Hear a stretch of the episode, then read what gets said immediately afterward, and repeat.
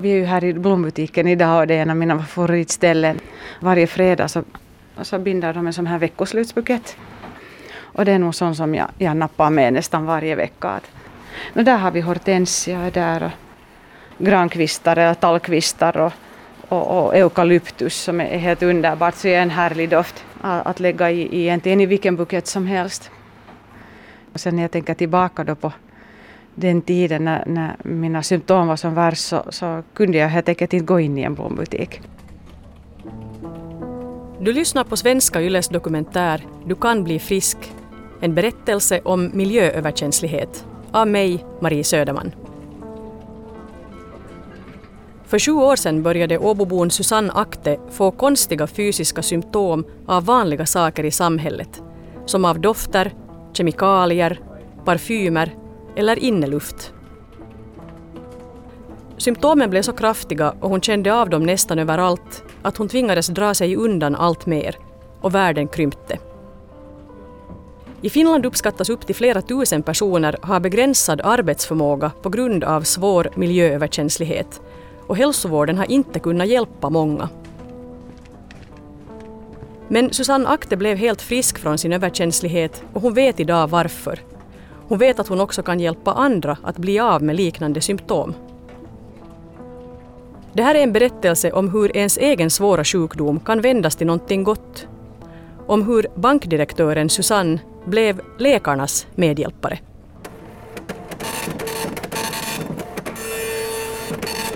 Det var faktiskt inte något självklart ämne att jag, jag hade tänkt på helt andra branscher och, och, och det där jag studerade turism. Men sen märkte jag bara att nu var det ju de här ekonomiska ämnena som var mycket mer intressanta. Där kom jag in sen och, och det här på Hanken i, i Åbo. Samtidigt hade jag nog ett behov att snabbt göra mig klar för att jag var ju lite äldre än alla andra. Och jag såg det bara, den här examen, som en väg, en port på väg till någonting annat. Men visst var det det här humana kapitalet också som intresserade, att jag hade eh, organisation och ledning som, som huvudämne. Och, och, och, det var kanske nog dit jag var på väg i något skede, men sen så överraskar ju livet och så plötsligt hamnar man någon helt annanstans än vad man tror. Jag hamnade sen på bank och det var faktiskt det sista. sista. Jag skulle ha trott, jag tyckte att bank var jättetråkigt.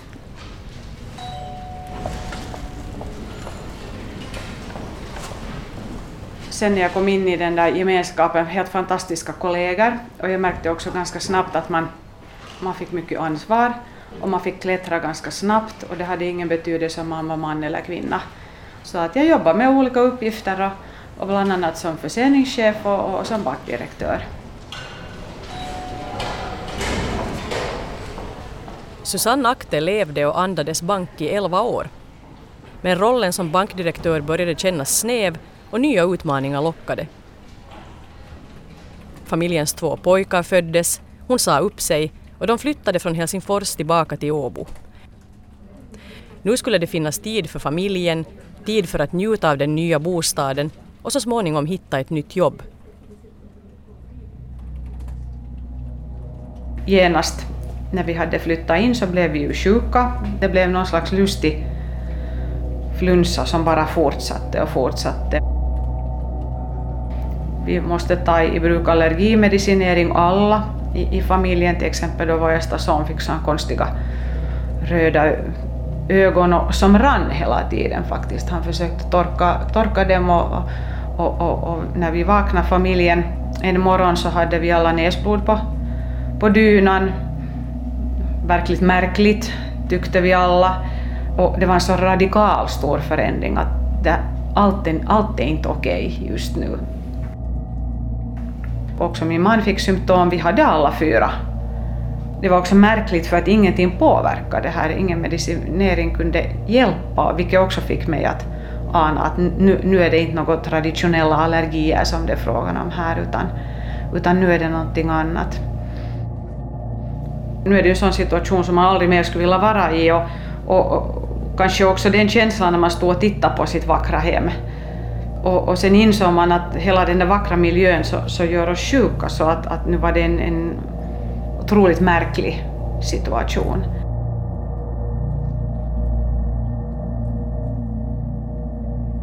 En luftundersökning i bostaden visade att luften innehöll fem olika mögelsorter och företaget som hittade mikroberna uppmanade Susannes familj att flytta ut genast. Det gjorde de och kort efter det blev resten av familjen helt återställd, men inte Susanne. Jag hade ju fått under den här tiden då en sån här kemikalieöverkänslighet eller doftöverkänslighet. Det hör till saken att jag haft tidigare ett jättedåligt luktsinne. Så att det var hemskt konstigt att, att plötsligt känna dofter och lukter så här starkt. Och det blev faktiskt sen så tufft i något skede att jag, jag märkte att jag lite isolerade mig också. Att, att jag kunde inte röra mig på alla ställen, butiker och, och, och det var ju också problematiskt när vi sökte ny lägenhet för vi, den där lukterna var, var så starka att, att, att jag, jag kände överallt.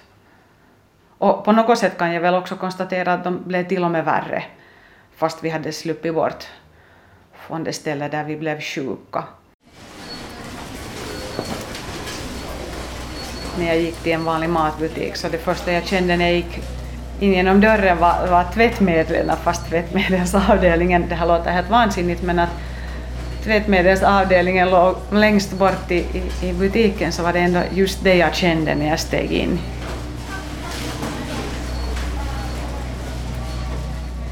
Det var en jul, min, min syster bodde i Mellaneuropa och i Mellaneuropa så har de ju tvättmedel med, med, med, ordentligt med parfym i och hon ställde sig bredvid mig och jag fick sån attack, någon slags andningsproblem att jag, jag öppnade fönstret och, och, och, det här och måste ta frisk luft och bad henne att gå och byta kläder. Och, och fast det nu låter helt vansinnigt så här efteråt, men det var min verklighet då. Att, att det där, hon var nog minst sagt ganska förvånad och säkert hemskt många andra också, att vad är det här egentligen? Jag ville ju göra någonting själv åt saken. Jag tänkte att nu måste, någonting måste ju finnas att göra åt det här. Att inte kan det ju vara så att livet ska fortsätta så här att, att jag be, måste begränsa vad jag gör, vem jag träffar, var jag bor, vilka kläder jag använder.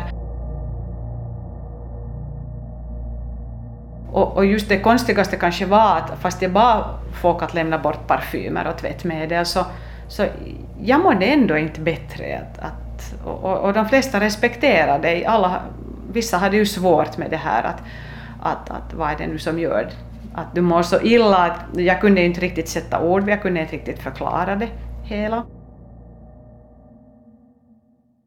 För nu sprang jag husläkare, men, men någon hjälp fick man ändå inte. Att, att, tvärtom, att när jag frågade att nu ska det fortsätta så konstaterar många att, att det är möjligt ju att det fortsätter och att det inte blir bättre. Och sen måste jag ärligt säga att inte vet jag själv att om en bekant skulle ha berättat om mig någon sån här historia, att, att hur skulle jag själv ha reagerat då? Skulle jag vara tillräckligt empatisk? Nu kändes det ju absurt och inte kände jag igen mig. Inte, inte, inte, det, inte var det ju så jag ville definiera mig, ärligt sagt.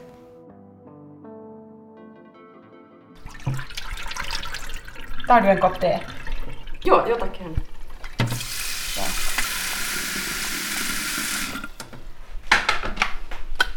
Ja, jag har varit tidigare en sån här kaffedrickare och men märkte att, att när man är så här hyperaktiv människa som jag har varit tidigare så då passar kanske inte det där kaffedrickandet. Det, det är mer lugnande och sen finns det otroligt fina teer som är smaksatt jätteskickligt.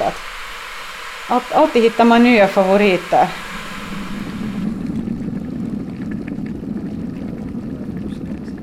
Susanne läste också om extremfall där miljööverkänsliga personer hade tvingats flytta ut till en stuga i skogen för att kunna leva ett liv utan starka dofter eller elektromagnetiska fält.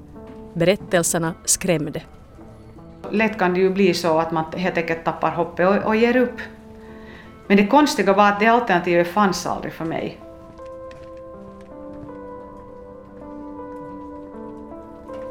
Hon började leta efter lösningar och vetenskapliga rapporter med svar eftersom läkarna inte hade några. Varför reagerade hon så kraftigt för dofter och kemikalier? Varför kunde hon inte leva normalt? Ingen kunde svara. Hon fastnade ändå för forskning som visade hur rätt sorts andning kan påverka människans hälsa. Hon hittade också en utbildning till mental tränare och beslöt sig för att testa det. Mental träning sa henne egentligen ingenting men å andra sidan upplevde hon att hon inte längre hade någonting att förlora.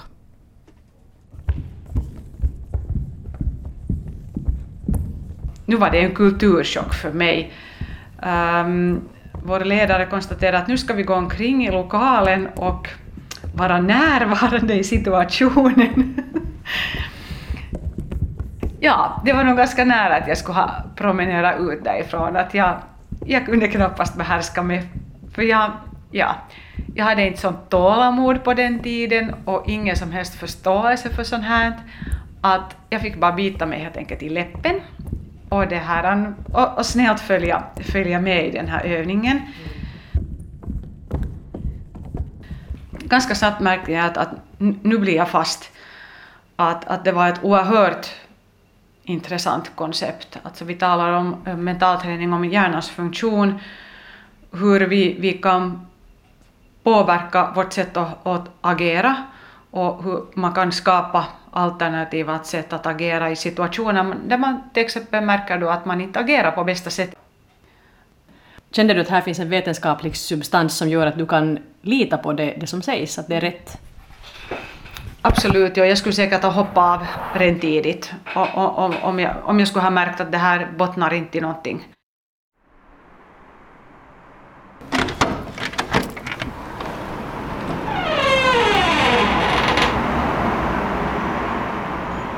Tack och lov så har vi söderbalkong och här, här så trivs egentligen det mesta. Och, och jag har faktiskt haft olivträden här över, har övervintrat samma pelargonerna. Och, och, vi har haft jordgubbar här på sommaren. Att, att det är också bästa mindfulnessen tycker jag, att, att sticka ner händerna i jorden och, och, och, och ha tankarna, fokusera bara på en sak.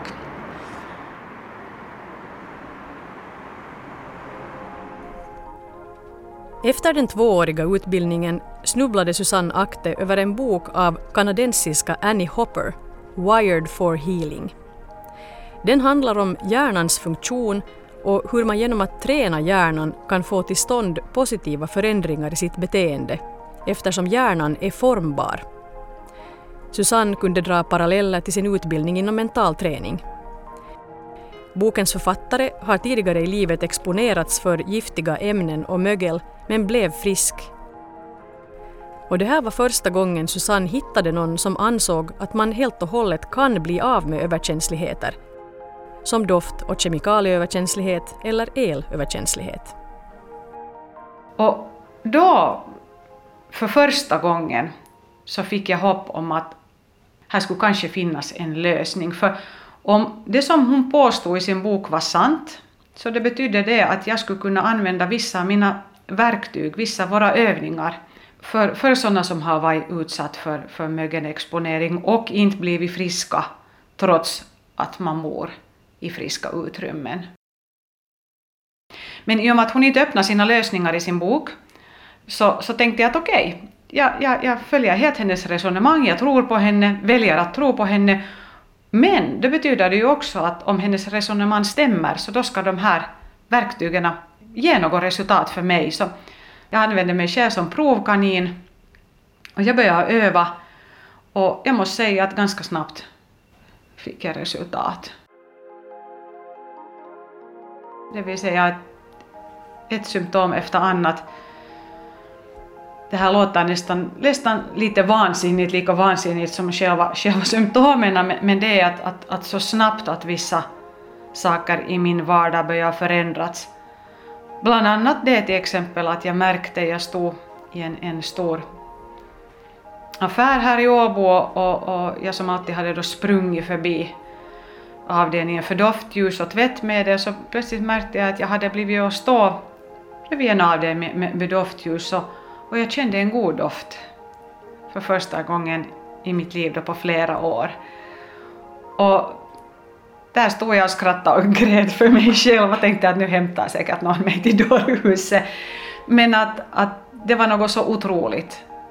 Att hur konkret de här övningarna började påverka min vardag. Och det här, var, det här skulle jag säga att var kanske den första förändringen som jag märkte. Sen började det komma många fler. Lika overkligt som själva insjuknandet upplevde Susanne det faktum att hon började bli frisk. Samtidigt uppstod ett kall, en skyldighet att berätta om det här för andra som befinner sig i en liknande situation som hon. Om jag känner till en metod som ändrar folks liv och får folk att tillfriskna, så varför ska jag vara tyst om det då? Det känns otroligt egoistiskt att jag själv är frisk, men sen delar jag inte med mig av den här kunskapen. Men det var ett dilemma det här att hur göra det på ett trovärdigt sätt.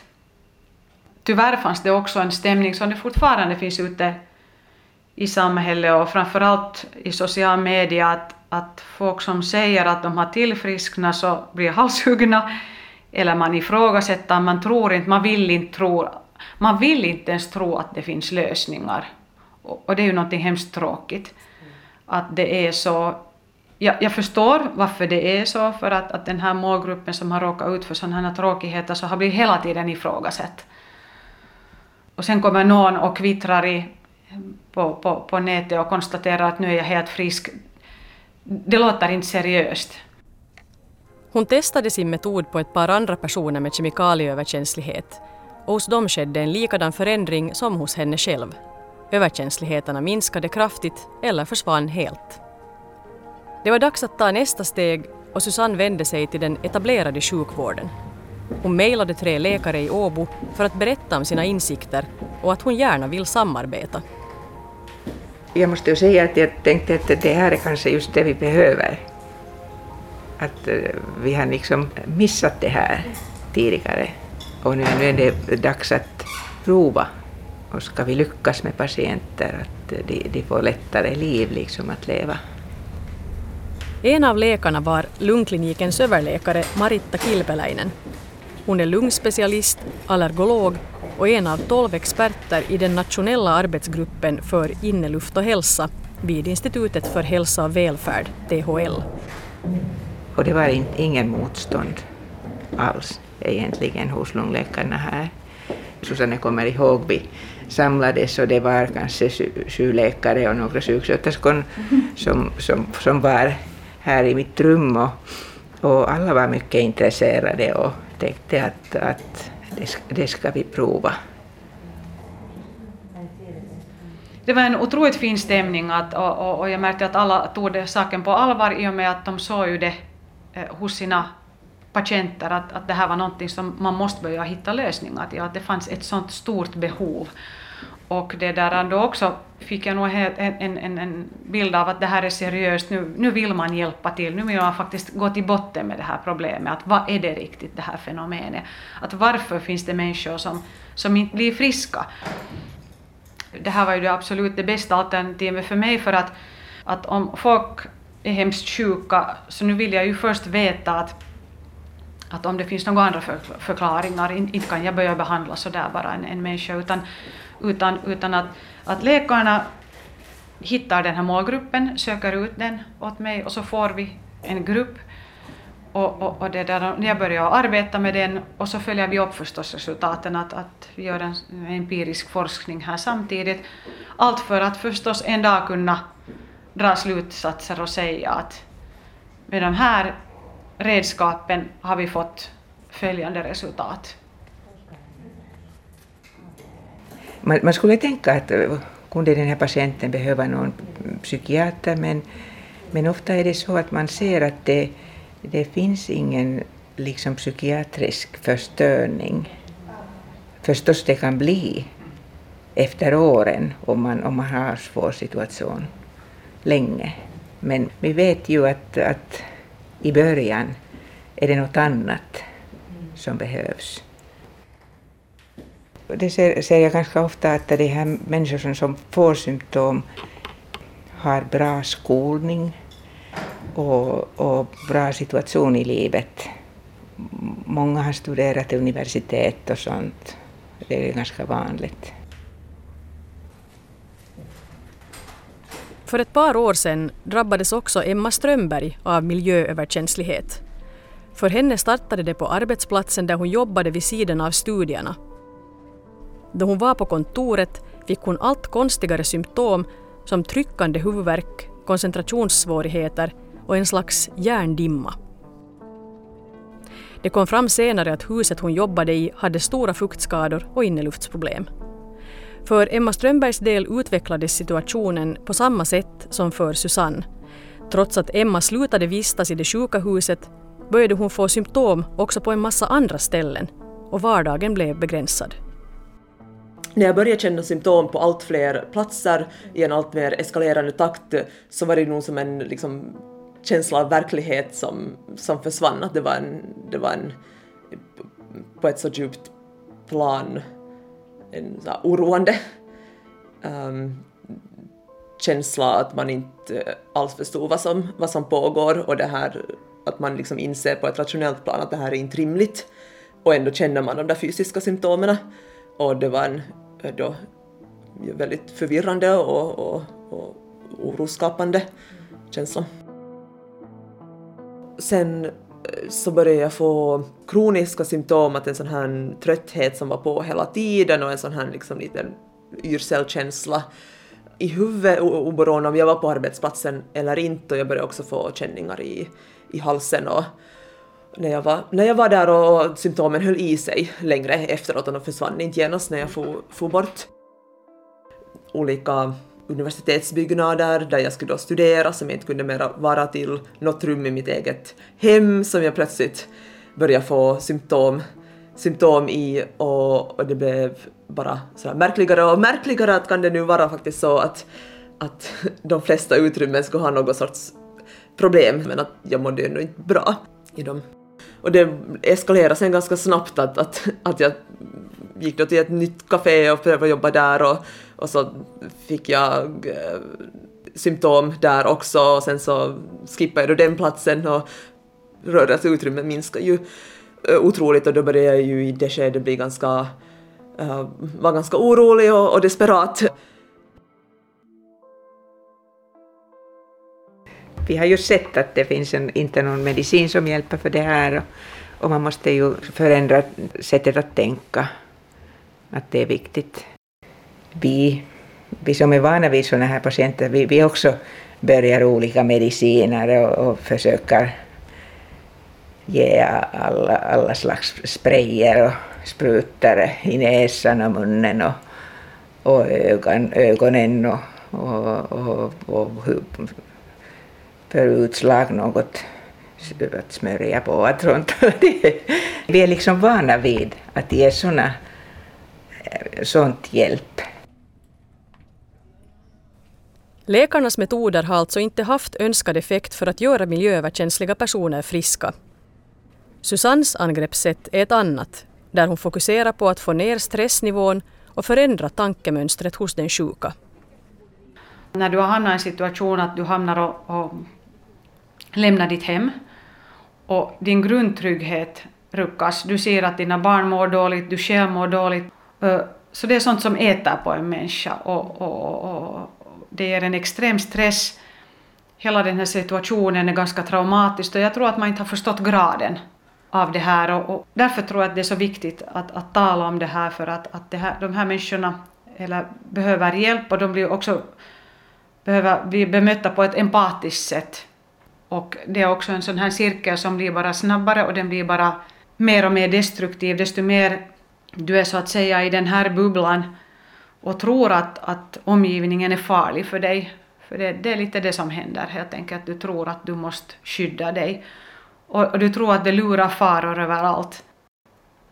Människorna som lider av inneluftsproblem och det där han inte tillfrisknar fast de kommer då i friska Äh, lokaler så, så hör till den gruppen och men till den här gruppen hör det ju också många andra. Det vet man idag att en, en sån här trauma och en extrem stresssituation kan utlösa vissa, vissa saker i din kropp. Och eh, är du i en situation när du konstant är rädd för din överlevnad och du har en så kallad fight or flight reaktion på gång i din kropp så då kan du helt enkelt inte tillfriskna. Och då är det hemskt många konkreta saker som syns i din kropp som just har till exempel med att du har ett immunförsvar som går på övervarv. Vilket mycket förklarar till exempel olika intoleranser och, och, och, och allergier. Du har eh, eh, helt enkelt en kropp som inte kan, kan ens, den har inte ens möjlighet att repa sig från, från, från sådana här trauman om man inte får ner den där stressnivån i situationen. Susanne har en förklaring till vad som händer i hjärnan då stressnivån är extremt hög. Vi har ju ett, ett alarmcentra som heter amygdala i hjärnan. Och desto mer du matar amygdala, desto starkare växer sig amygdala, det vill säga desto snabbare ger den alarm. Och, och, och det där, också i och med att den här starka stressresponsen inte, inte ger dig möjligheten att, att reflektera över att är det här vettigt eller inte, så blir det helt enkelt en reaktion som du inte mera kan styra, utan den styr dig. Desto mer alert du blir, så desto starkare ska vi säga blir den här stressresponsen i, i din kropp då.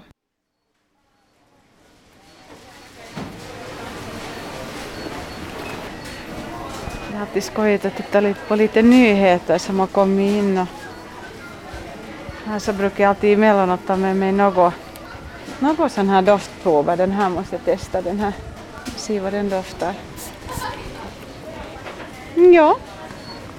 Jag tycker inte om sådär jättetunga utan de får gärna vara lite lättare dofter. Lite sportiga. Inte, inte inslag av tung mysk och sånt här. Så de tycker jag är mycket bättre om de här lättare.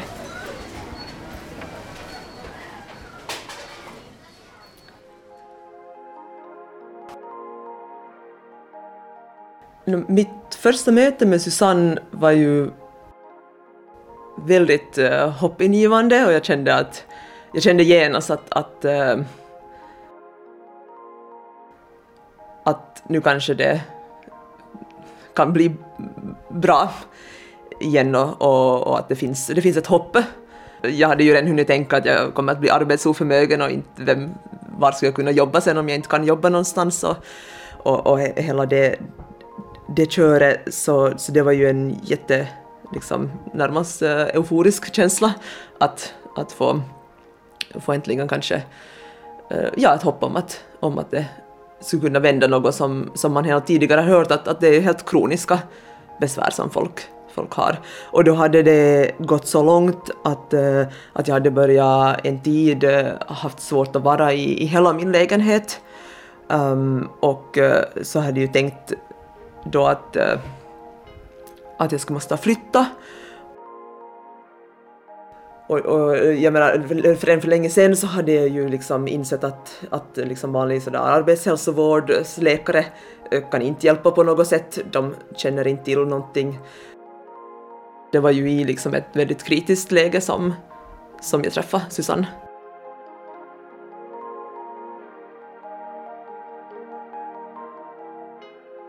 Vi kunde göra en avslappningsövning här med, med Emma. Och, och, det där.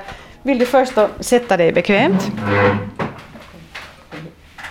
Sen börjar vi med att, att andas helt normalt i egen takt.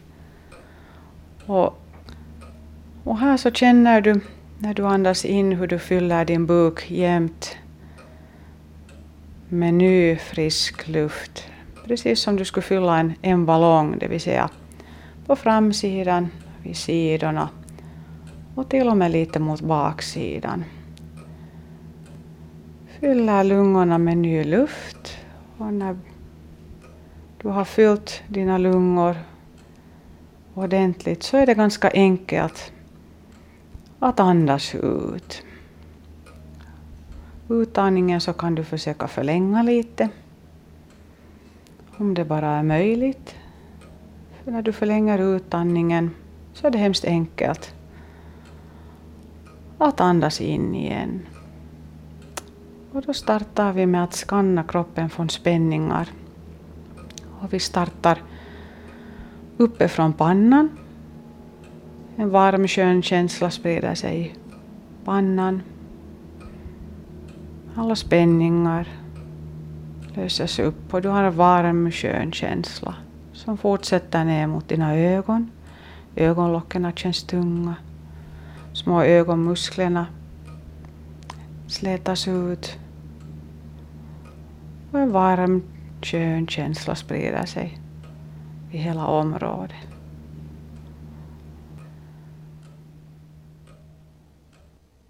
När du träffade då Susanne, vad gav hon dig för övningar som sen gjorde att livet förändrades för dig?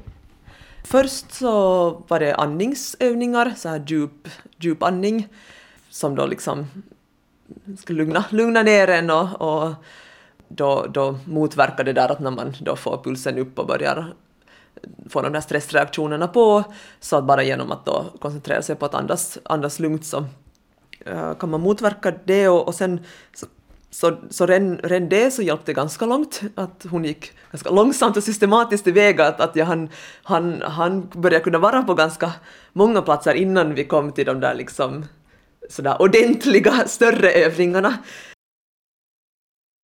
En stor sak var bara att, att Susanne sa att, att jag ska inte lita på mina kroppsreaktioner, vilket ju alla dittills som, som på något sätt ville ta det på allvar så, så säger ju motsatsen. Ett, ett annat verktyg som Susanne lärde ut var att uh, sen när man är just i en situation och man börjar känna symptom, hur man ska kunna uh, klippa av den liksom, tanke, tanketråden och, och det reaktionsmönstret där när man märker att man börjar gå in i det där uh, stressläget och, och börja tänka de här um, dåliga uh, tankarna. Eh, så då fanns det liksom olika sätt hur man då kan försöka i, i, i stunden avbryta. Att man liksom för sig själv säger att den här platsen är inte farlig eller den här platsen är trygg. Så jag var väldigt eh, mottaglig för hennes eh, förklaring av att hur det är ens sådana sådär rädslocenter, hjärnan som börjar spela en ett spratt så att man börjar känna fysiska symptom som inte man skulle behöva känna. Och jag, jag kände att det lät väldigt rimligt och, att, och var, då, var då öppen för att så här träningar i liksom det mentala skulle kunna hjälpa mina fysiska problem.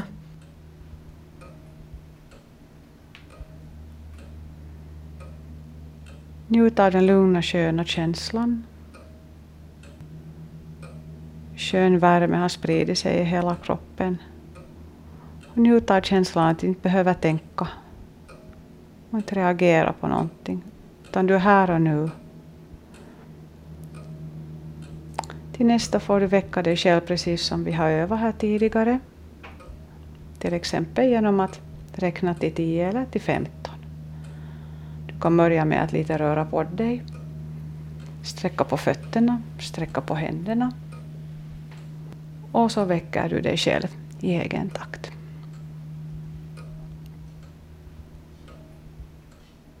Det var ju väldigt befriande och, och kändes ju som att eh, ingav den där eh, hoppfulla, nästan euforiska känslan av att, att, att världen och livet kan komma tillbaka till mig. Idag mår jag ju nog helt bra och är helt frisk.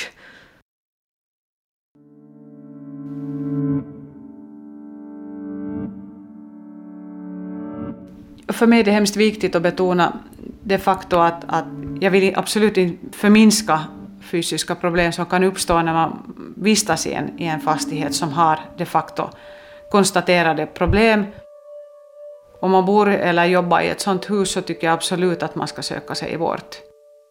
Men jag vill ju hjälpa de personer som, precis som jag själv, har, har sluppit bort från, från de ställen där man har blivit exponerad trots det inte blir frisk, det vill säga att symptomen fortsätter fast man bor i friska eller arbetar i friska utrymmen och, och, och, och i värsta fall så kan symptomen till och med då accelerera.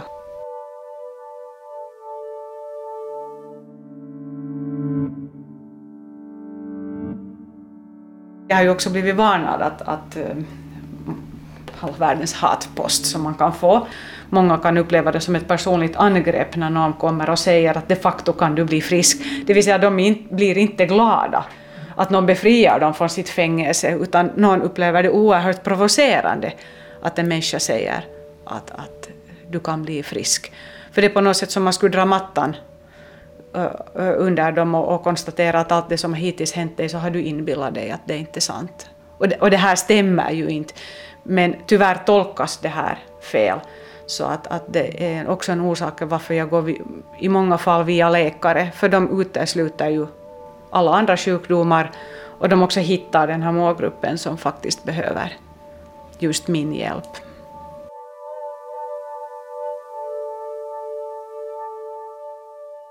Det har vi talat med läkarna också om, att, att, att man måste vara motiverad. Att, att tror man fortfarande att man är offer för, för omständigheterna, att det inte finns någonting att göra, Mm. så det är hemskt svårt att nå den här människan. Men man ser ju direkt korrelation att de som har övat, så, så det där, deras mående är ju överlägset mycket bättre än de som inte har hunnit. Under 2019 och 2020 har Susanne Akte handlett tre grupper vid universitetssjukhuset i Åbo, totalt drygt 20 personer. Patienterna med svår miljööverkänslighet har valts ut av läkarna på lungkliniken. Resultaten följs upp och utvärderas noga, men redan nu ser det mycket lovande ut och grupperna kommer att bli fler. Vi vet ju just nu att det är kanske om, om, om Susanne har haft åtta på kursen, det är, det är två som tappar symptomen alldeles, att de, de inte har någon symptom mera och sen är det kanske fyra som får mycket hjälp och sen, sen kanske två av åtta som, som inte får så mycket hjälp.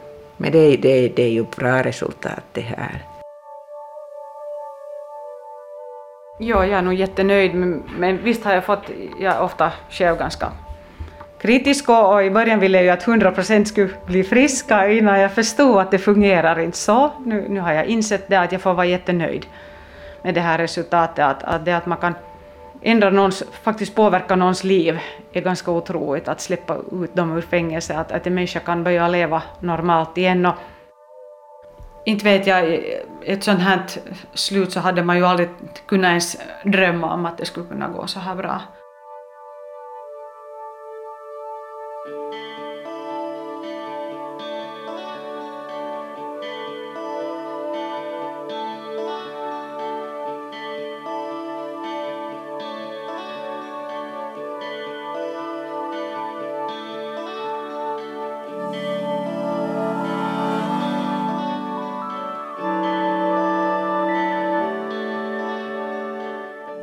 Du har hört Svenska Yles dokumentär Du kan bli frisk, en berättelse om miljööverkänslighet. I dokumentären medverkade Susanne Akte, Maritta Kilpeläinen och Emma Strömberg. Ljudplanering av Jyrki Häyrinen, dramaturgiska råd av Are Nikkinen och producent är Staffan von Martens. Jag heter Marie Söderman.